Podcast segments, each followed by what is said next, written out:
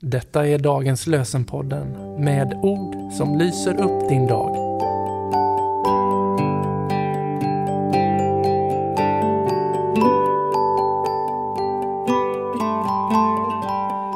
Idag är det nyårsdagen 1 januari 2024 och dagens lösen är hämtad ifrån Jesaja, 7 kapitlet, vers 4. Se till att du bevarar ditt lugn. Var inte rädd, förlora inte modet. Se till att du bevarar ditt lugn. Var inte rädd, förlora inte modet.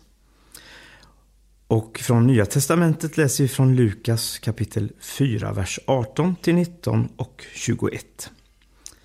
Jesus säger, Herrens ande är över mig, ty han har smort mig till att förkunna ett nådens år från Herren. Idag har detta skriftställe gått i uppfyllelse inför er som hör mig. Jesus säger, Herrens ande är över mig, ty han har smort mig till att förkunna ett nådens år från Herren. Idag har detta skriftställe gått i uppfyllelse inför er som hör mig.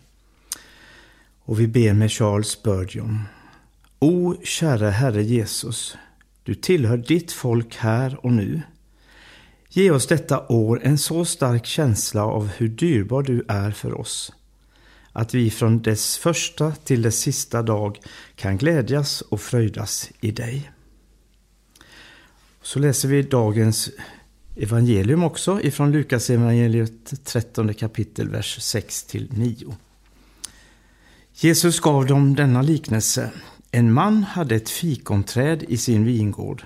Han kom för att se om det fanns någon frukt på det, men hittade ingen. Då sa han till sin trädgårdsmästare, i tre år har jag kommit och letat efter frukt på det här trädet utan att hitta någon.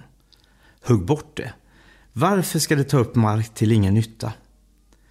Han svarade, Herre, låt det stå kvar ett år till, så ska jag gräva runt det och gödsla. Kanske bär det frukt nästa år, om inte kan du hugga bort det. Ja, vi ber. Herre, tack för ett nytt år som du ger oss av nåd. Vi ber för var och en av oss som lyssnar till det här, att du är med oss det här året, från början, hela vägen igenom.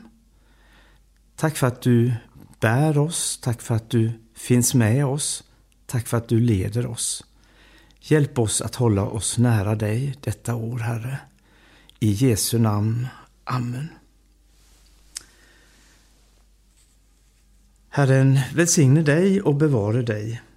Herren låter sitt ansikte lysa över dig och vare dig nådig. Herren vände sitt ansikte till dig och give dig frid. I Faderns, Sonens och den helige Andes namn. Amen.